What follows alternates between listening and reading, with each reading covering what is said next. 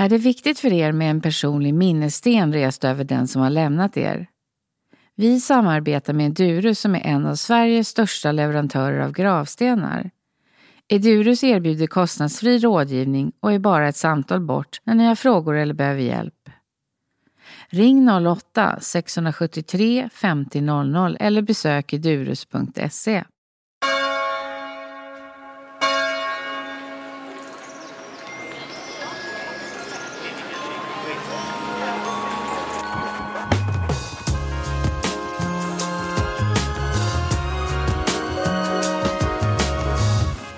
Välkommen Håkan Axelsson, avdelningschef på Fonus. Tack så kan mycket. inte du berätta vad du jobbar med? På Fonus är jag ansvarig på transport och ceremoni. Det är en avdelning för hela Stockholm. Och där är vi ett antal personer som jobbar med att, jag brukar säga, få det stora värdefulla arbetet att verkligen ta hand om den som har dött. Ehm, vi finns i Årsta. Där har vi all utrustning vi behöver. Och eh, min vardag är väl att leda den här tillsammans med en kollega. Eh, kan man säga. Mm. Och när du säger att ta hand om de som har dött, Mm. berätta hur det ser ut. Vad betyder det när man hämtar? Ja, det betyder ju ganska många olika, Ja. olika steg i en process kan man ju säga. Mm. Om man säger att det beror ju alltifrån varifrån, var en person har dött. Och det kan handla om att vi är de som kommer för att hämta eh, den personen på ett äldreboende som just har avlidit eller kanske några timmar innan har gjort det. Ehm, den förflyttningen gör vi till då ofta ett bårhus. Och det är ju det som sjukhusen har hand om, som regionen har ansvar för. Sen är vi involverade i nästa fas många gånger, om man då har valt att få, få hjälp av oss. Och det är att vi eh, åker till bårhuset med den kistan som man har valt. De som finns runt den här personen. För att eh, vi kallar det omhänderta och lägga den här personen i kistan. Och därefter är det ju en förflyttning igen. Då lämnar man sjukvården. Men jag måste ändå, när ni säger omhänderta, vad gör, man måste ju göra någonting Man måste där. göra någonting där. Ja, det är, man kan säga att det är några viktiga steg i det hela. Det, det finns ett, ett viktigt steg i att veta att jag hämtar faktiskt rätt person, för jag känner ju inte den här personen. Och att ta hand om är steg ett, verkligen avgörande att vi gör en identitetskontroll tillsammans med de som jobbar där och är noggranna i den delen. Sen kan det handla om att, sen handlar det ju om hur ska den här personen faktiskt ligga i sin kista. Inte på vilket håll, men hur ska den vara klädd till exempel. Fanns det några favoritkläder? Fanns det några favoritsaker? Då har, om allt har gått som det ska, så har ju anhöriga, vänner eller familj lämnat in det. Och eh, vi har fått veta det och vi har fått de sakerna med oss. Ehm, så att omhänderta kan betyda att klä personen i sina favoritkläder eh, innan vi lägger ner personen i sin kista. Som också förhoppningsvis visar någonting av den personens liv och personlighet. Och som sagt, inte så sällan kan det finnas ett foto, ehm, en teckning. Det kan vara en tillhörighet. Det kan vara till och med en, en klocka.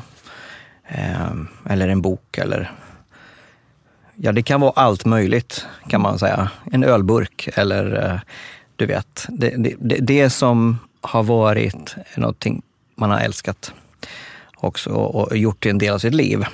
Som vi lägger med. Eh, Det kan handla om, att, eller väldigt ofta för mig handlar det om att göra, inte göra om personen, men göra personen så fin jag kan. Det kan handla om att, att bara kamma till exempel. Precis som jag anar att var och en skulle vilja bli, bli lämnad vid det sista. För jag är ju faktiskt där som den, den personen som ser den här personen sist av alla. Innan vi stänger den här kistan. Och då är, då är håret en sån sak. Kan, Eh. kan det påverka någonting mer? Eller kan de anhöriga, har de bett om någonting annat? Det Utom finns kläder då tillfällen, så. ja, det finns till, förutom kläder så Mm. finns det tillfällen då man ber om att, få, att de ska bli sminkade till Mm. exempel. Det är inte så vanligt i Sverige. Det är, Nej. har jag förstått, mycket, mycket vanligare i andra kulturer. Eh, I vissa länder framförallt. Um, och vi har, man kan tänka att ja, man skulle naturligtvis kunna jobba mycket på att återställa det som har förändrats i hudfärg och överhuvudtaget göra mer. Men det är nog, om, om jag tittar på svensk kultur så är vi rätt mycket för att visa saker som de är. Inte göra om det, inte göra till sig. Utan det här är så som vi är nu. Och då tar vi det så. Och jag tror att traditionen är också mycket sådan och har format vad man gör i Sverige när vi, när vi då omhändertar.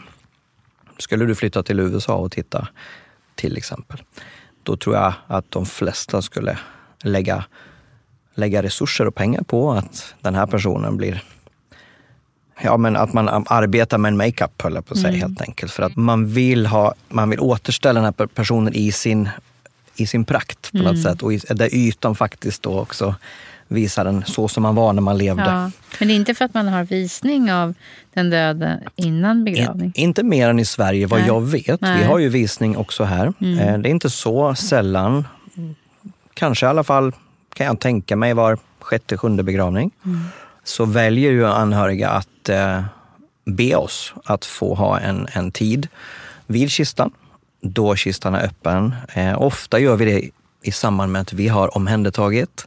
Det finns ett kapellrum på varje sjukhus. Och så eh, tar vi kistan dit upp. Och så finns det en timme avsatt då som standard. Och det, det är en, en möjlighet. Jag tycker den är väldigt fin och jag tycker om de tillfällena. Och eh, många använder den, inte alla. Men eh, där får man ju möjlighet att se personen så som den är. Eh, och, och, och det kan ibland vara, eftersom det är precis som, som det är, så är det ibland för en del personer en chock. Ja. För en del personer är det en lättnad. Eh, För en del personer är det ja, mycket enklare än vad man trodde. Jag brukar säga om visningar att för de som har svårast att gå dit, de som tycker det är jobbigast, som har en tröskel och tycker de har tänkt på det här i flera dagar. För dem är det allra mest värdefullt att ha gjort det. Därför att då har saker fått, alltså man har fått se på riktigt och mycket av det som är eh, oro, föreställningar, eh, rädsla har, har fått möta verkligheten och har fått lägga sig. Och man har också fått se den, här pers- se den person som betyder mycket och få ett avsked, och få ett avslut. Och det är oerhört värdefullt. Brukar ni vara med då? Vi har en, en, en, ja, men en viktig princip där vi säger så här. Vi möter dem i ett rum bredvid. Där man sitter ungefär som du och jag just nu i en, i en soffa eller fåtölj och, och bara får, får landa vad, vad är det vi håller på att göra. Och det där är en viktig stund. Då berättar vi för alla som ska vara med. Hur är det att gå in på det här? Och jag brukar ställa första frågan. Finns det någon här som aldrig har gjort det här? För om det finns en så måste den personen och dens erfarenhet få avgöra hur ska det här gå till. Eh, och få berätta för den personen att när man dör så då sker vissa förändringar med kroppen. Eh, det kommer i mångt och mycket kännas som att det var som när du träffade den här personen i livet, men inte helt. Kroppen är inte varm längre. Ehm, och hudfärg och annat kan ha förändrats. Och framförallt så kan man reagera på, ja men så här såg han inte ut förut. Eller så är det tvärtom. Men att göra dem förberedda i det där rummet bredvid på vad de ska göra och att utgå från den som aldrig har gjort det. Det där är en viktig stund och då brukar jag säga på slutet, nu går jag med er in. Eh, och jag går med er och är där tills ni har, har landat eh, där inne. Tills ni känner att det är okej nu. Och då går, vi, då går jag ut till det här rummet bredvid, väntrummet. Och så brukar jag säga, där finns jag under hela den här timmen. I vissa visningar så är det viktigt att den där dörren emellan står lite öppen. En del går in och går ut och går in och går ut för att ta in det här stegvis. Jag har till och med varit med om någon som sitter i fåtöljen där i det där rummet, i väntrummet och tittar in genom dörren stor del av tiden. Mm. Eh, tills slutligen man går in en stund, går ut. Men för den personen, det är en av dem jag minns bäst av de här tolv åren. Ja. Uh, för det var så viktigt för henne. Mm. Mm. Om du är med dem sådär, så mm. får du någon feedback efteråt? Just det där som du sa, att ja. du kände att det var värt? Ja, absolut. Att ingen ångrar sig? Eller det vet, vet det, det vet man kanske aldrig fullt ut. Nej. Jag, en del som ångrar sig kanske inte säger det. Det kan finnas de som absolut går därifrån och känner att uh, ja, men det här var inte lätt att, det är inte lätt att bära. Att, för det blir också väldigt konkret det som annars är abstrakt, att mm. det har hänt mm. och är jobbigt att ta in som en verklighet har ju då blivit väldigt verkligt. Så att en visning gör ju att saker blir fysiskt. Mm. Och det är viktigt tror jag. Um, men det är inte alltid lätt. Hur tror du det skiljer sig mot avskedet i, i eh, under begravningen? För det är liksom... Ja, precis. Det blir som, först kanske det är avsked när personen går bort. Ja.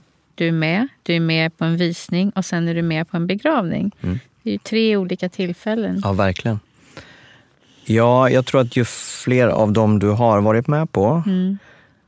eh, det påverkar hur det här sista avskedet blir. Ja. Eh, ett avsked i begravningen med en, en, en kista. Kistan är ju på det sättet bra därför att den påminner oss om att det på riktigt är en person mm. som vi begraver. Uh, vi ser det och vi känner det i hela kroppen. Mm. Jämfört med urna menar du? Jämfört med urna, tänker jag. Men det som... Eh, jag, jag, kan ju, jag kan se på att en, en del personer som bara har det och kanske aldrig har valt att se varken vid dödsögonblicket på sjukhuset eller ha en visning, så blir Ja, men det kan bli uppstå ett visst eh, vakuum, höll jag på att säga. Därför att du inte riktigt ser och kan ta in verkligheten på det sättet. Du tar avsked för att du, du, du ser och känner av genom att det är en kista här, mm. att det här, är, det här är morfar eller det här är pappa. Mm. Men det kan finnas en, en, en eh, någonting som saknas i den här vetskapen kanske. Eh, jag, jag, jag, tror att, att, jag tror att det är personligt om jag ska vara helt mm. rak på sak. Jag har kommit fram till det ut med vägen. Jag är väldigt mycket för personligen att, att få se och mm. att det här blir fysiskt och att det blir något jag, mm. som är verkligt. Jag märker att, att um, och jag ska säga att det bygger nog på min egen erfarenhet. Jag valde att inte se min pappa. Och när han dog väldigt hastigt.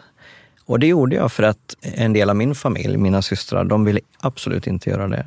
Och jag var väldigt ung, så jag gick på deras linje. Och personligen så ångrade jag det i många, många månader. För jag hade mycket, mycket svårt att ta in eh, mm. verkligheten att han var död. Och chocken blev mycket längre, alltså mm. många fler längre faser ja. helt enkelt. Men eh, av att ha lyssnat på människor ut de här åren så märker jag att jo, jag förstår att en del väljer bort det. Eh, man, man säger, jag tror att den vanligaste kommentaren är, jag vill minnas honom eller mm. henne som hon var. Uh, och alltså helt enkelt, jag vill inte att en annan bild som kanske är ganska starkt i sitt intryck av den här döda personen mm. kommer överst. Mm. Um, och jag kan förstå den och jag, jag har full respekt för att man, man väljer sin väg. Mm. Men ett, ett, jag, jag, kan, jag kan finna att värdet av avskedet vid en öppen kista eh, och att få ha den visningen och den mm. tiden det innebär. För det är väl också en skillnad. I en begravning så eh, ja, men det är något vi gör gemensamt. Mm. Det pågår en stund. Men det som är mest avsked under en begravning i de flesta traditioner åtminstone Svenska kyrkan och en del andra, hur vi gör i Sverige. Det är ju oftast en koncentrerad tid av den Ja. delen där vi går fram. Ja. Vi står i några sekunder eller vi, Mm. och vi går vidare. Vi lägger en blomma. Mm. Det hinner inte hända lika mycket i mig som tar avskedet eh, som det gör när den där tiden finns att eh, se, röra och gå lite in och lite ut och få ta in det bit för bit. Och få säga de där orden. Ibland är det också viktigt. Eh, de jag önskar att jag ska få säga som de sista orden, Ja. eller önskar jag hade sagt. Eller. Mm. Eh, de är också viktiga. För avskedet under begravningen, Ja. ceremonin, är ju koncentrerat till slutet av ceremonin. Och där är ju faktiskt man som gäst, ger ju samma tid Mm. åt avskedet som de anhöriga, de närmaste. Mm. Ja. Vilket är lite speciellt. Och jag har ju sagt det tidigare i podden att jag tycker det är så speciellt att alla står och alla tittar på. Mm. För jag kan tänka mig om du tar det här avskedet med de närmaste innan, då är det ju er stund. Mm. Eh, vilket... eh, Ja, jag, jag undrar varför man är så påpassad och att man kan titta på en när man tar avsked. Mm. Jag, tycker, jag undrar varför man inte står åt andra hållet.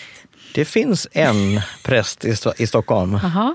som har varit oerhört... Eh, ja, men han har varit oerhört principfast på den frågan. Mhm. Och varje begravning som han har lett, som jag har varit med på, Ja. då har man anhöriga tagit avsked vid den ändan av kistan där de tittar mot altaret så Ja. ingen ser deras ansikte. Av exakt den orsaken du Ja, nämner. men vad tycker du om det? Ja, men jag, tycker att, jag, jag tycker det är en fin omtanke i det. Ja. Jag, jag förstår verkligen den. Och ju, ju mer jag har tänkt på det så är det, det är ganska exponerat Mm. att stå där eh, med allt det som händer inom dig då. Mm. Det, det, det fina i det, om det, om det, om det blir på bästa sätt, det är att det kan vara tillsammans. Eh, men inför en fullsatt kyrka, eller med 100 personer, eller Mm. Ja. säg 50 som du inte känner, då är det ju inte riktigt Nej. på det sättet. Utan då är det ganska exponerat och kanske också ganska svårt att stå i. Och jag märker att absolut, du har ju fångat något där. Många anhöriga pratar ju om det och oroar sig för det. Vem ska gå med vem? Ja. jag brukar prata varmt om att, att faktiskt också där använda en form av att göra det tillsammans. Det vill säga, är man en ganska stor familj egentligen, ställa sig i den här halvcirkeln.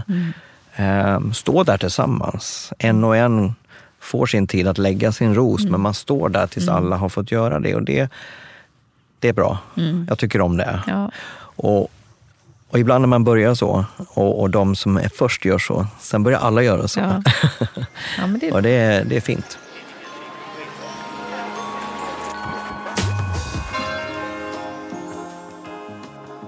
Tillbaka lite till det här med avsked. Mm. Första gången när du gjorde det här, alltså åka och hämta någon på någon som har dött på ett eh, äldreboende eller sjukhus eller Mm. bårhus. Alltså, hur kändes det? Jag glömmer aldrig första gången. Nej. Nej. eh, och eh, jag var ju 37 år. Mm. Och hör och häpna, jag hade aldrig sett en död människa. Så det var mitt första möte med att se. Första dagen på jobbet. Första dagen på jobbet. Så därför minns jag det. Mm. Dalens sjukhus. och ehm, ja, det var en speciell upplevelse. Det måste jag säga. Ehm, hur ska jag beskriva den? Ja, eh, alltså, jag brukar säga döden är, vi brukar intala oss och prata mycket om att ja, den är naturlig. Därför att vi, vi kommer alla dö. Vi lever med den som en del av vårt liv. Men i sin natur är den onaturlig. Vi är liksom inte skapade för avsked, Nej. det här uppbrottet. Och ehm, eh, jag tror att alla reagerar på något eller annat sätt. Och ja, det gjorde jag också. Jag, jag kunde känna av under de första dagarna rent fysiskt att eh, jag, eh, om jag ska vara rakt på sak så hade jag ett illamående i kroppen ehm, som kom när jag slappnade av. Hör och häpna, men det är väl inte så konstigt kanske. Under jobbet så var jag fokuserad under de dagarna. Jag såg saker, jag var med om saker jag aldrig hade sett förut. Och även jag hade ju den här vägen då som alla har. Jag hade aldrig sett det förut. Hur skulle det vara? Mm. Och det, en form av spänning fanns det ehm, och kanske en form av obehag. Eh, den yttrade sig så konkret, jag glömmer det aldrig.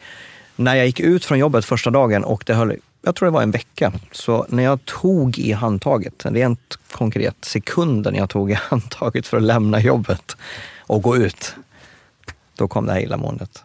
Oj. Um, som att jag liksom, okej okay, nu har jag gjort den här dagen. Mm. Och då kunde jag känna av reaktionen. Så att jag tror att det finns en reaktion inför att någon inte lever, helt Mm. enkelt. Men ändå är här. Det måste ju vara sånt ansvar också att flytta Mm. på. Eller bara det här med att klä på måste vara ganska komplicerat. Man vet ju Ja. bara klä på små barn. Precis. Det är det. Vi gör det två stycken eh, Mm. tillsammans. Annars är det jättesvårt. Har du jobbat med äldre människor så, eller sjuka människor Ja. så vet ju du att man får jobba, det är inte enkelt, men ungefär så är det för oss också att, att klä på. Mm. Men, men att göra det, jag, jag brukar säga att ett viktigt grundprincip i mitt liv är att varje moment jag gör med någon som är, är död, skulle jag, jag vill göra det som att det var min egen mamma jag gjorde det med. Om, om det här var min mamma, hur skulle jag göra det då? Har det hjälpt dig? Det har hjälpt mig jättemycket. Mhm. Alltså det gör att jag tänker efter. Därför att i det här jobbet, eh, du är den sista personen som ser. Du är den sista personen, ingen ser ofta vad det är du gör. Nej. Ingen ser heller egentligen resultatet av det du har gjort. Eller eh, Många moment eh, är vi kanske själva. Eh, när jag tar kistan vidare till bilen till exempel, från bårhuset och jag ska lasta in den. Hur gör jag det då? Om det är min mamma som det, det jag lastar in eller om det är vem som helst. Men om jag tänker att ja, men det här är som om det är samma sak som om det var min mamma. Ta det lite försiktigt.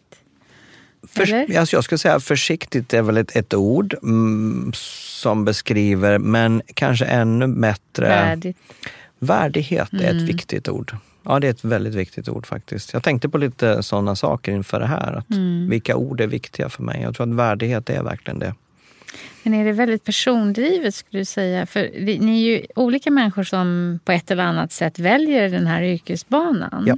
Precis. Finns det någon gemensam nämnare för dina, när du träffar kollegor? Eller? Ja, men jag tror att eh, allas, eh, alla människors lika värde eh, och att bli behand, att behandla människor likadant är en, en, en drivkraft. Att, eh, jag tror att värdighet faktiskt är eh, ett sånt ord eh, som skulle jag tror att de flesta hos mig, hos oss, skulle skriva under som, att, som, som ett värdeord från början till att hålla på med det här och drivas av att fortsätta med det år efter år. För ganska ofta gör man det rätt så länge när man väl har börjat, Ja. kan jag märka. Men varför tror du man väljer yrket?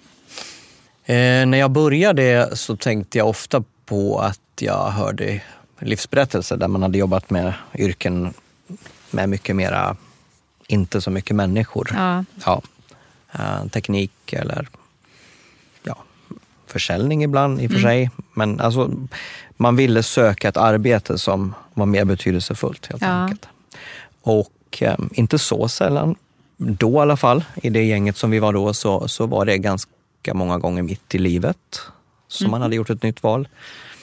Eh, nu har vi faktiskt några stycken ganska unga personer, dryga 20, otroligt mogna människor. Men som ofta har en erfarenhet av att ha jobbat med äldrevård som redan som tonåringar. Ehm, jobbat med människor i utsatthet skulle jag nog säga. För man jobbar med människor i en utsatt situation. Ja. Det ska man veta. Ja. Alla som är i sorg är i en sån situation. Mm. Och, och för, att, för mig var ju det också vägen in i att, att jag, jag brukar säga att jag trivs eh, i, det låter ju, ja, för mig låter det som det är, eh, men det kan låta konstigt kan jag förstå. Att jag trivs i att vara nära människor som är i sorg. Mm. Men just av den anledningen att jag tycker om tanken att vara där för att hjälpa dem. Ja. Att gå med någon som är i den här situationen.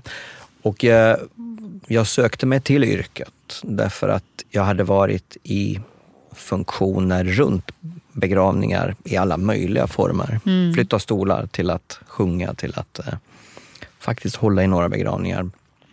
Eh, till att, eh, ja, allt. Mm. Och eh, en, en god vän till mig frågade mig, eh, vad är ditt... Du verkar brinna för många saker, men det yttersta, vad är det? Vad är det, det absolut? Om du fick välja mellan allt. Mm. Jag kom fram till att jo, men det var att vara där, där människor är i sorg Mm. och vara med dem igenom det. Men hur mycket anhöriga träffar du i ditt arbete nu? I mitt arbete, väldigt få. Ja, Ja, de här visningarna då kanske? ja men, men exakt. Eh, Jag trä- eller få är då fel ord, men ju en ganska kort tid. Så skulle jag ju egentligen kanske Okej. säga det. Och det beror ju på att min del av, av alltihopa, den handlar ju om att jag eh, genomför det som är planerat att hända. Ja. Det är alltså inte jag som träffar anhöriga eller vänner som är de som tar tag i hur ska begravningen gå till. Det är mina kollegor på Mm. Ja. kontoren. Mm. Utan jag möter dem vid en visning. Ja. Eller jag möter dem, i, om vi då hämt, hämtar på äldreboendet i den kommunen. Ja, ibland är de kvar där efter att ha då haft sitt avsked Mm. Ja. i några timmar. Och kanske vill vara med och bära ut ja, till bilen där. Mm. Eller jag möter dem på begravningen. Innan, under, efter. Mm. Och det är ju inte en lång tid. Det är en ganska... Man kan säga att det är en helt annan tid än det där första mötet när de Mm. kommer till, eh, till oss för att få hjälp. Ja. Eh, Man är i ganska olika faser av sin sorg. Mm. Mm, helt klart. Saknar du de här mötena lite då? Ja, jag, jag, jag drogs till jobbet för att få vara i, med människor i, i sorg. Så att jag, jag tycker ju om sånt. Mm. Det gör jag. Sen är inte jag en person som går och saknar så mycket. Det är Nej. en av mina drag. så folk brukar fråga mig just sådär, saknar du inte det där? Saknar du inte att bo där? Eller, Eh, nej, jag, eh, jag trivs där jag är. Ja, men. Ehm, men frågar du mig så skulle jag trivas i att göra det. Mm. Ja, det skulle jag. Absolut. Jag, eh, jag tycker om den situationen.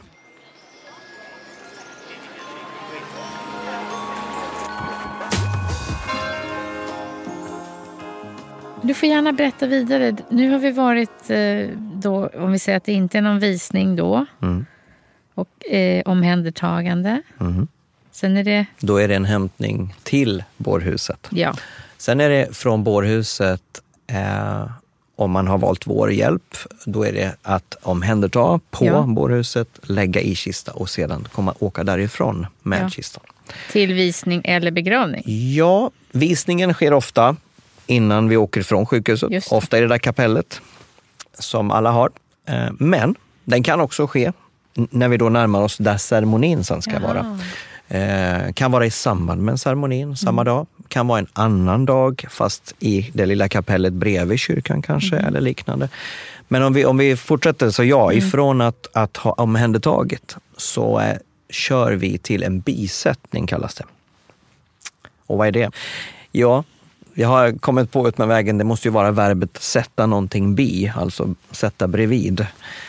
Eh, Det är helt enkelt eh, lokaler som eh, huvudmannen då, som är ansvarig för begravningar i ett område, har, har ansvar att det ska finnas en, en nedkyld lokal för att kunna ha kistan i väntan på att begravningen ska ske. Mm. Mm. Och de finns eh, numera ganska, inte så många lokaler utan det är en, en, ofta lite större lokaler eh, på en plats och sen eh, finns ju ofta då personen i sin kista där till den dagen vi ska ha begravning. Och är det där den är längst tid då skulle du säga? Eh, ja, kanske är det, om vi ska snitta, kanske det är ungefär lika lång tid på bårhuset Ja. som på bisättningen. Mm. Men om man ska välja så skulle vi, jag skulle helst vilja, och jag tror att anhörig, som anhörig vill man helst att Eh, det är den längsta tiden på bisättningen. Mm. Att personen är i sin kista. Ja, just. Mm. Men, så att ja, det är mer tid på bisättningen, Mm. det tror jag. Och sen från bisittningen in till kyrkan då? Ja, ja men precis. Eller till, till bygdegården eller Ja. till, eh, till hemmet som jag Ja. också har varit med om att jag har haft. Eh, Ja, då är det ju en ny transport med våra begravningsbilar då. Mm. Att hämta vid den här bisättningen och ta sig till den platsen. I vissa platser behöver vi göra i ordning ganska mycket. Eh, om det vi säger att det är en, en eh, hembygdsgård Mm. så är det ju inte så att det står kistbockar och väntar där. Nej. Det finns inte så mycket stora ljus som vi brukar ha runt omkring. Det finns inte ställningar för att lägga blommor på. Eller... Och i det fallet är en akt med urna, alltså en, en begravning med urna, kanske det inte heller finns det finaste bordet. Utan det är någonting vi får ta med Okej. för att göra fint. Så Mm. ibland får man ha med sig lite fler saker än annars. Mm. Och ibland åker vi till en, en kyrka i Stockholm, framförallt Svenska kyrkan, så finns mycket förberett Mm. naturligtvis. Mm. Absolut. Det är en helt annan sak. Väl på plats så har vi eh, hjälp av många gånger det vi kallar en bärare eller flera. Beroende på hur man går in i den här lokalen. Mm. Och eh, det är den eller de personerna och jag som ställer kistan på plats. Från, från bilen in i den här lokalen på de här bockarna då. Som den kommer upp från golvet med. Mm. Och sen vi tar ju en ganska viktig del. Vi brukar försöka vara där en dryg timma innan den här begravningen ska börja. Mm. För att ha tiden att eh, ställa i ordning, göra vackert.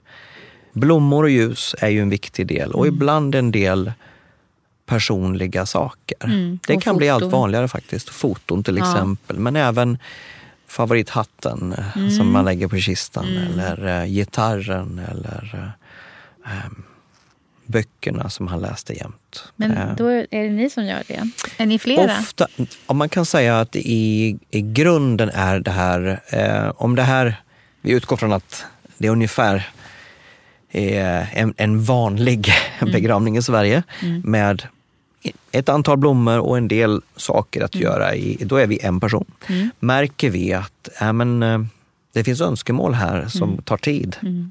För vi har i varje lokal oftast den där timman på oss. Mm. Eh, Den går inte så ofta att sträcka ut till lång tid. Nej. Ibland gör den det. Eh, Men ibland är vi då två. Mm. Eh, Det är ju något som man är noga med att försöka lyssna in från Mm. början med familjen. Kommer det här att vara viktigt med många detaljer? Och vad kommer det att ta i tid? Mm. Sen har man jättemånga, jättestor skillnad i hur många personer kommer på en begravning också. Mm. Och, och det är ju nästa del av det, efter att ha ställt i ordning. För det gör vi ju inte en timma, utan vi vill helst vara klara. Jag brukar, eh, brukar utgå från att säga att den där sista halvtimman innan allt ska börja, brukar jag säga till familjen, det är eran tid. För att på tal om avsked, Mm. så är det ju faktiskt så att vi sa att man går fram till kistan en, en kort stund i begravningen, men, men det här att komma innan.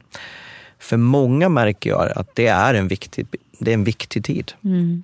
Där jag skulle säga att jag upplever att man kommer allt oftare tidigt numera.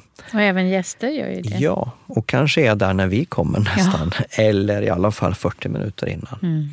Ibland vill man vara med och göra fint. Mm. Ja, det är vårt jobb för att vårt jobb går ju ut på att, att göra det som familjen egentligen mm, skulle kunna göra Mm. själva. Men de har bett om, om hjälp. Ja. De har gjort, bett om ett, ett ombud. Liksom. Mm.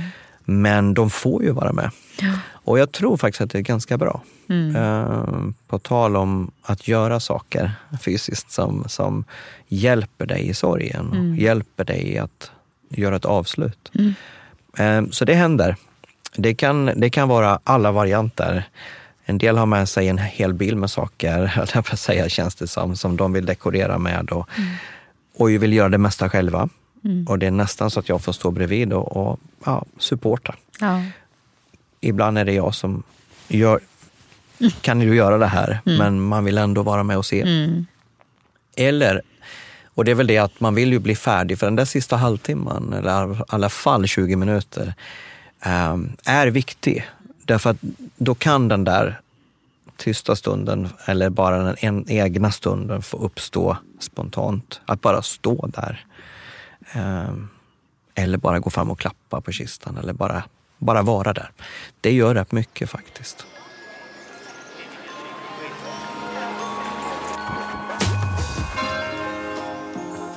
Men hur känns det? Du möter ju så många olika människor. Mm. Känns det direkt i stämningen när folk kommer in i kyrkan vad det är Ja. för situation? Och... Eh, kanske inte exakt så här på en gång vad det kommer att bli, eller hur, men däremot att det är en väldigt stor skillnad Ja. på det första mötet. Det är ju verkligen så också när människor kommer in, just det här, och ser kistan. Ja. Då händer ju någonting.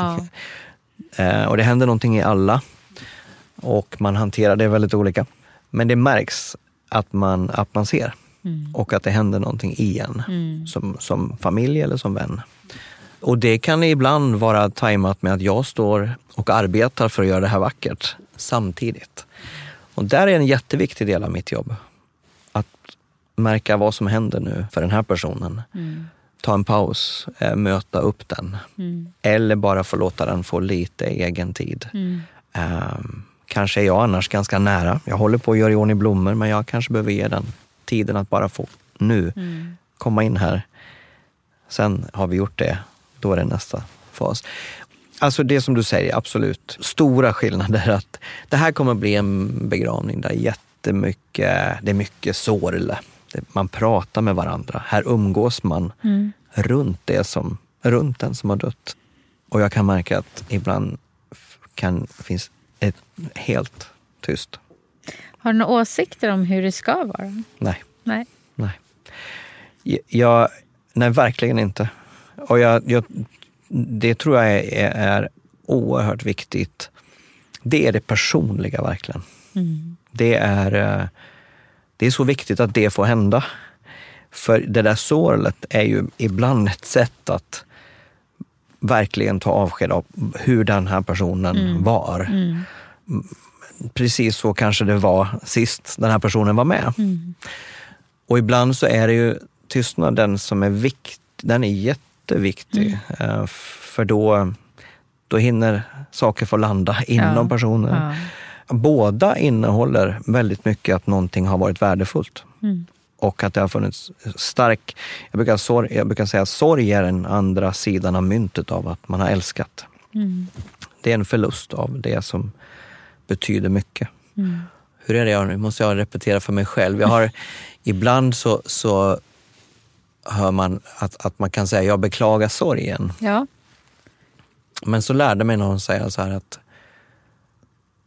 nej, sorgen är någonting naturligt. Det är något vi går igenom. Det är, det är för att vi har älskat något. Det är inte något är jag beklagar att du har. Det är förlusten. Ja. Så jag beklagar förlusten och jag känner med dig i sorgen. ja. Det, Det brukar bra. jag säga numera. Det kanske inte är samma person som är i bårhuset som Precis. gör omhändertagandet som kör till begravningen. Precis. Så det är inte säkert att du har mött den här personen innan. Det stämmer. Så är det. Om, I de bästa av världar, då skulle jag önska att jag fick göra hela, hela vägen. Ja.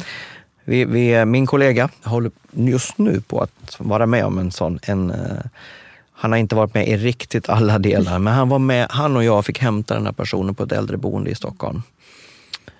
Och hade ingen aning om vart hon skulle begravas. Och plötsligt så ser han dagarna efter att hon ska begravas i ett annat land och han jobbar med våra utlandsbegravningar. Jaha. Och så han har fått ta hand om Ja. allt det som måste göras för att hon ska komma dit.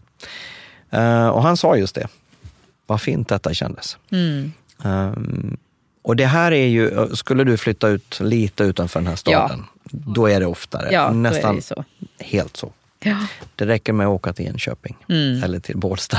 Ja. Så gör kollegorna mycket mer än så. Mm. Ehm, men, men det ställer ju större krav på en, en storstadssituation som vi är i. att Även om jag inte har följt den här personen hela vägen så är det, jag måste stanna upp varje gång inom mig själv för att nu är det en ny person och en ny begravning. Eh, Det är inte något som jag bara gör en gång till. Det här är en unik situation. Det är en unik begravning och ja, värdigheten, det är som det är min mamma. Den måste jag ha när jag hämtar på bisättningen. även när vi använder hjälpmedel för att lyfta den här, den här eh, kistan, som kan kännas kanske ganska maskinella. Mm. Men jag måste tänka här, nej det här är inte en låda. Det är en person Mm. och en dens kista. Och det gör väldigt mycket till hur du jobbar. Till hur du gör Mm. alla momenten. Det är intressant, du säger person Ja. om en person som är död. Mm. Är det någonting som du gör eller någonting som ni gör inom företaget? Nej, vi har pratat om att, att faktiskt... Jag, jag, skulle, jag, jag vet faktiskt inte om vi gör det fullt ut till 100 procent. Jag skulle gör- önska det. Ja. Och vi har pratat en hel del om det i, vår, i våra kvalitetsresor, höll jag på att Mm. säga. Där vi har jobbat med hur vi gör saker och, och varför. Mm. Att tala just om det. Jag har faktiskt till och med i de samtalen ibland föreslagit att ja, men, använd tilltalsnamnet när vi gör någonting med den här personen.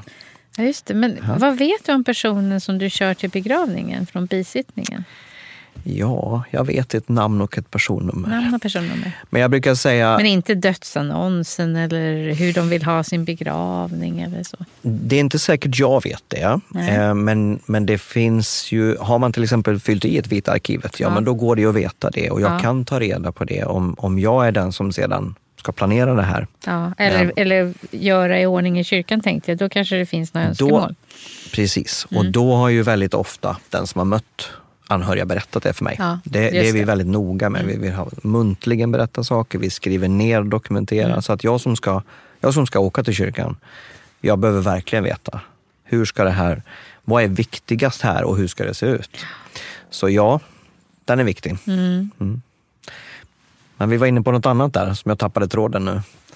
Vi bär in i kyrkan säger vi. Ja. Och jag, jag kallar det eh, kollegorna som vi an- anlitar för bärare. Det är Ja. det namnet som jag har. eh, För, för, för de är där för att hjälpa oss att bära. Mm. Och när vi då går fram till kistan för att bära.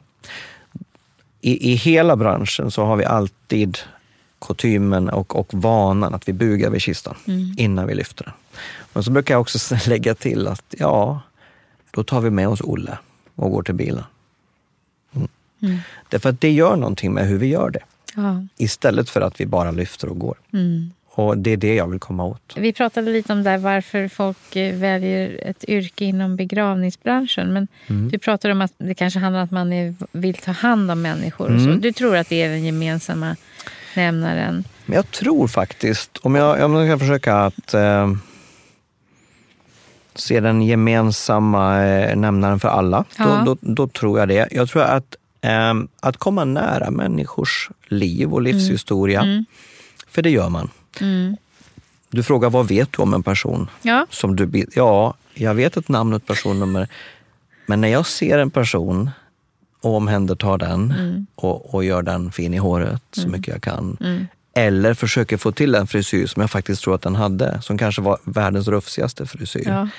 Då kommer man ganska nära en människa. Mm. Alltså jag kan se, jag brukade säga i början, man, man lär känna människors liv på den där stunden på något sätt. Mm. Därför att man kan ana hur har den personens liv ändå varit på vissa sätt. Mm.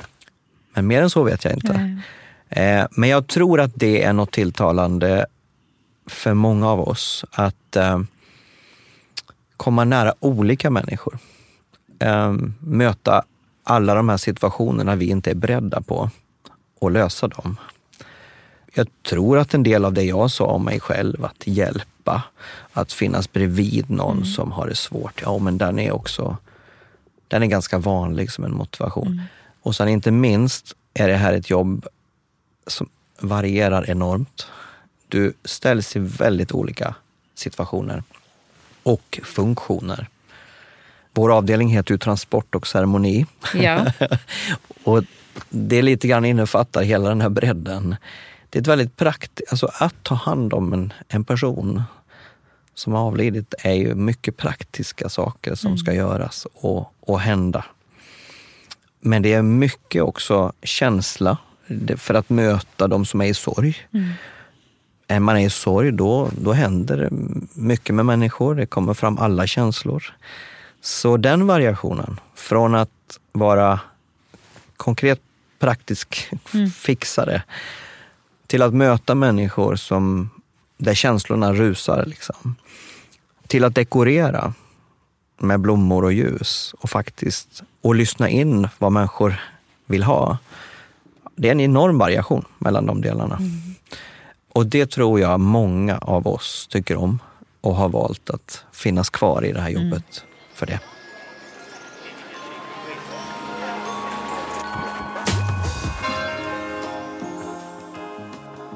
Hur ser människor runt omkring vad säger de när man ja. jobbar med... Ja. Det är alltid folk som har åsikter om olika branscher. Verkligen. Eh, man får alltid reaktion, mm. så skulle jag vilja säga. Mm. Väldigt olika reaktion. Men oj, tror jag någon sa häromdagen. Mm. Eller, eh, oh det var fint. Eller, eh, alltså jag tror att det, det är ett jobb som väldigt få vet någonting om. Så många frågor. Ja. Det är den vanligaste delen av om jag berättar vad jag gör. Mm. Uh, många jätteolika frågor. Det är nästan aldrig samma sorts samtal Nej. på något sätt.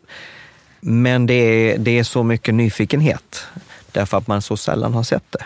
Naturligtvis. Och så har man chans att fråga, vilket man inte gör när man är mitt i sorgen kanske. Exakt. Mm. För då är man i sorgen. Ja.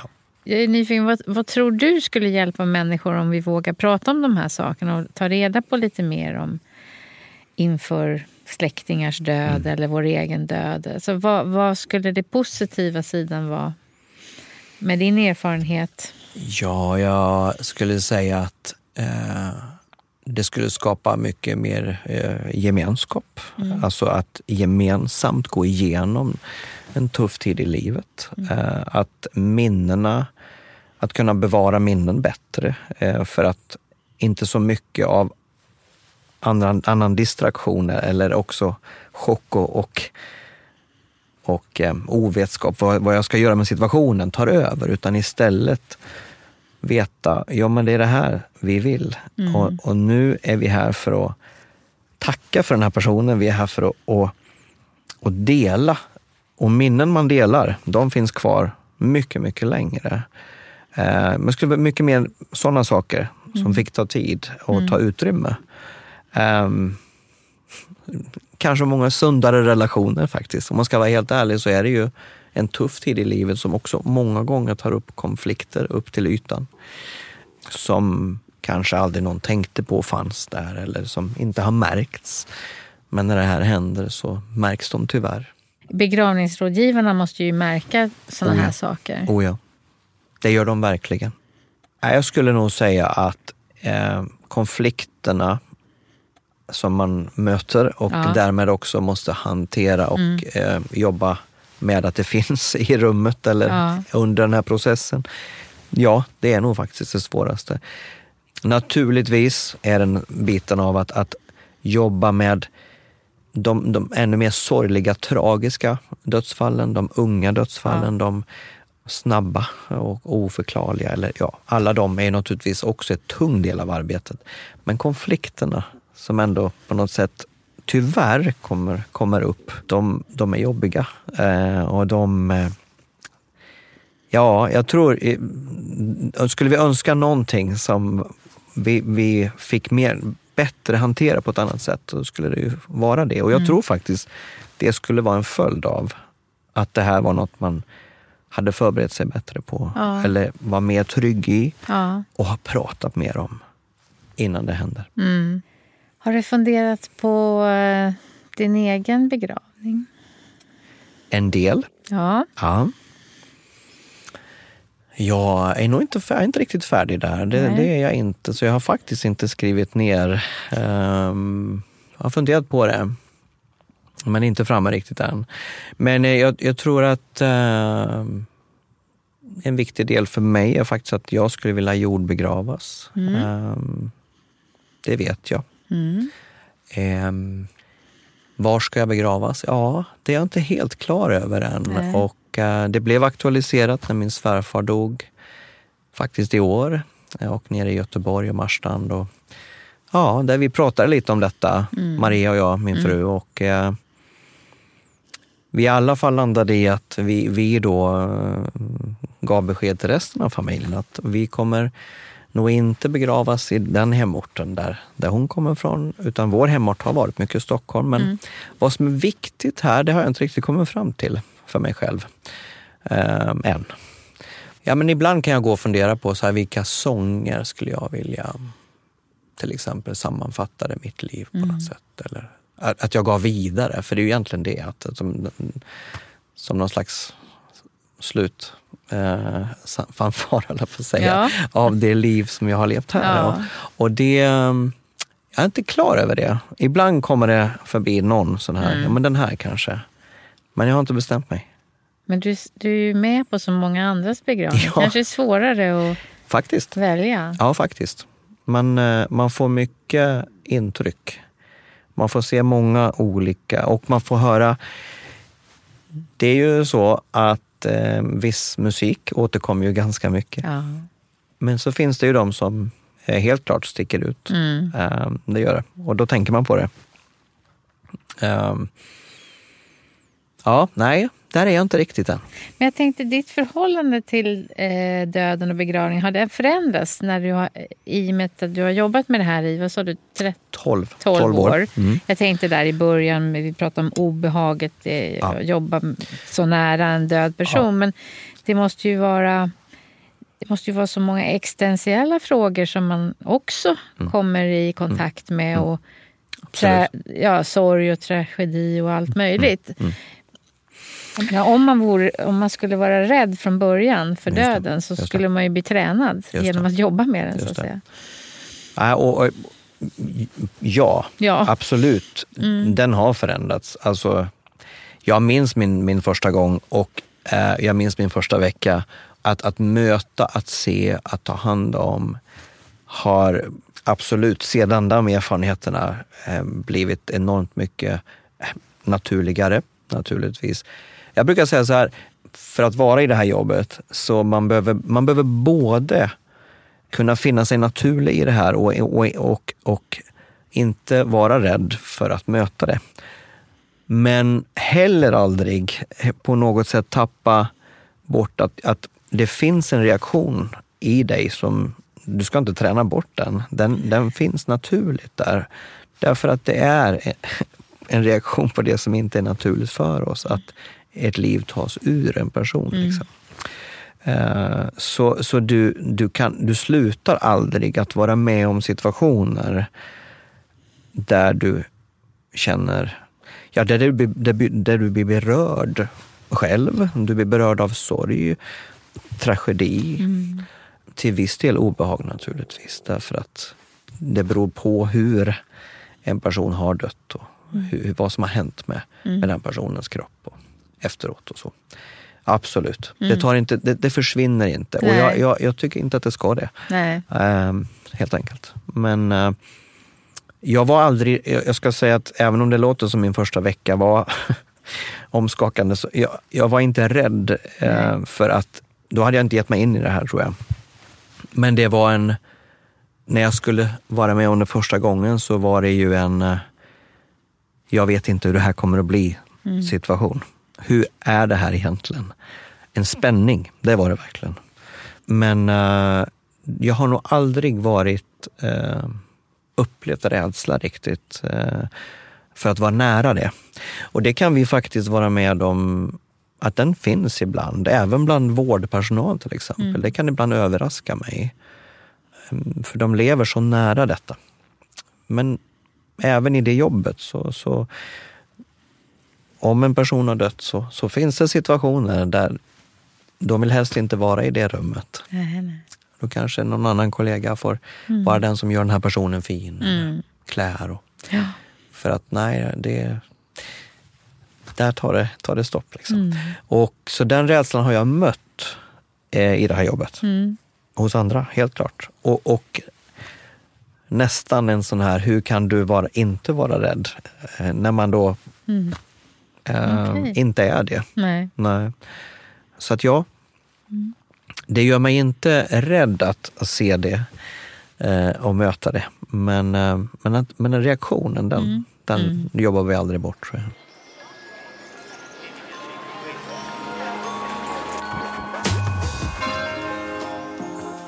förr i tiden så var ju, kändes det som att de som jobbade med begravning var ju mm. ganska hemligt. Eller om man säger, det var ju... Ja, det var ju ett annat, en annan tid. Ja. Vad ser du om du tittar på hela begravningsbranschen? Vad tycker du händer just nu? Ja, det är en, en stor fråga. eh, och eh, Jag brukar aldrig vara så bra på såna här framtidsscenarier. Nej, men kanske men jag, just jag kan nu gissa. då? Jag kan gissa. Eller, och, och, det är just nu, alltså det som... Jag tror att jag ser två äh, trender lite grann. Och den ena är där detaljer blir allt viktigare för, för vissa personer. Då pratar vi om, om ja, men de efterlevande. Ja, de efterlevande. Och, och, kanske även jag själv som har, har skrivit ner och önskat. Hur, hur vill jag att, att det här ska vara? Ja. Och, och det, det, får, det får ta plats. Ja. Både i ekonomi och i rum och i tid. Och i, mm. den blir, det blir fler av dem och de blir också större i, i proportioner.